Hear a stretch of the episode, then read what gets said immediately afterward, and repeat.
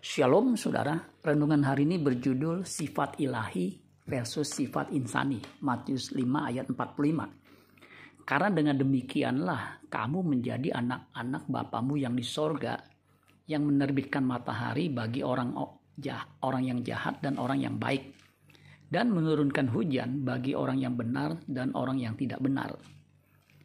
Tuhan tidak membeda-bedakan orang dalam hal melakukan kebaikan. Ia menerbitkan matahari dan menurunkan hujan, baik bagi orang benar maupun bagi orang yang tidak benar atau orang jahat. Inilah sifat ilahinya yang Tuhan Yesus ajarkan dan lakukan. Makanya Tuhan Yesus mengajarkan para muridnya untuk mengasihi musuh dan berbuat baik kepada mereka yang berbuat jahat Itulah sebabnya orang yang rasis atau membeda-bedakan manusia dalam berbuat baik bukanlah murid Kristus.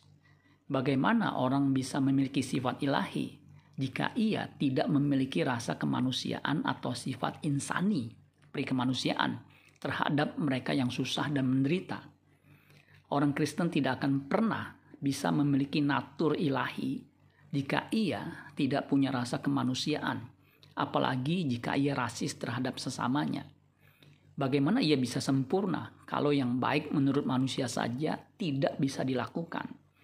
Memang pengilahian itu merupakan proses yang panjang dan sukar. Tidak ada jalan lain. Orang percaya harus masuk ke jalan yang sempit ini kalau ia mau dimuliakan bersama dengan Kristus. Amin buat firman Tuhan, Tuhan Yesus memberkati. Sola Gracia.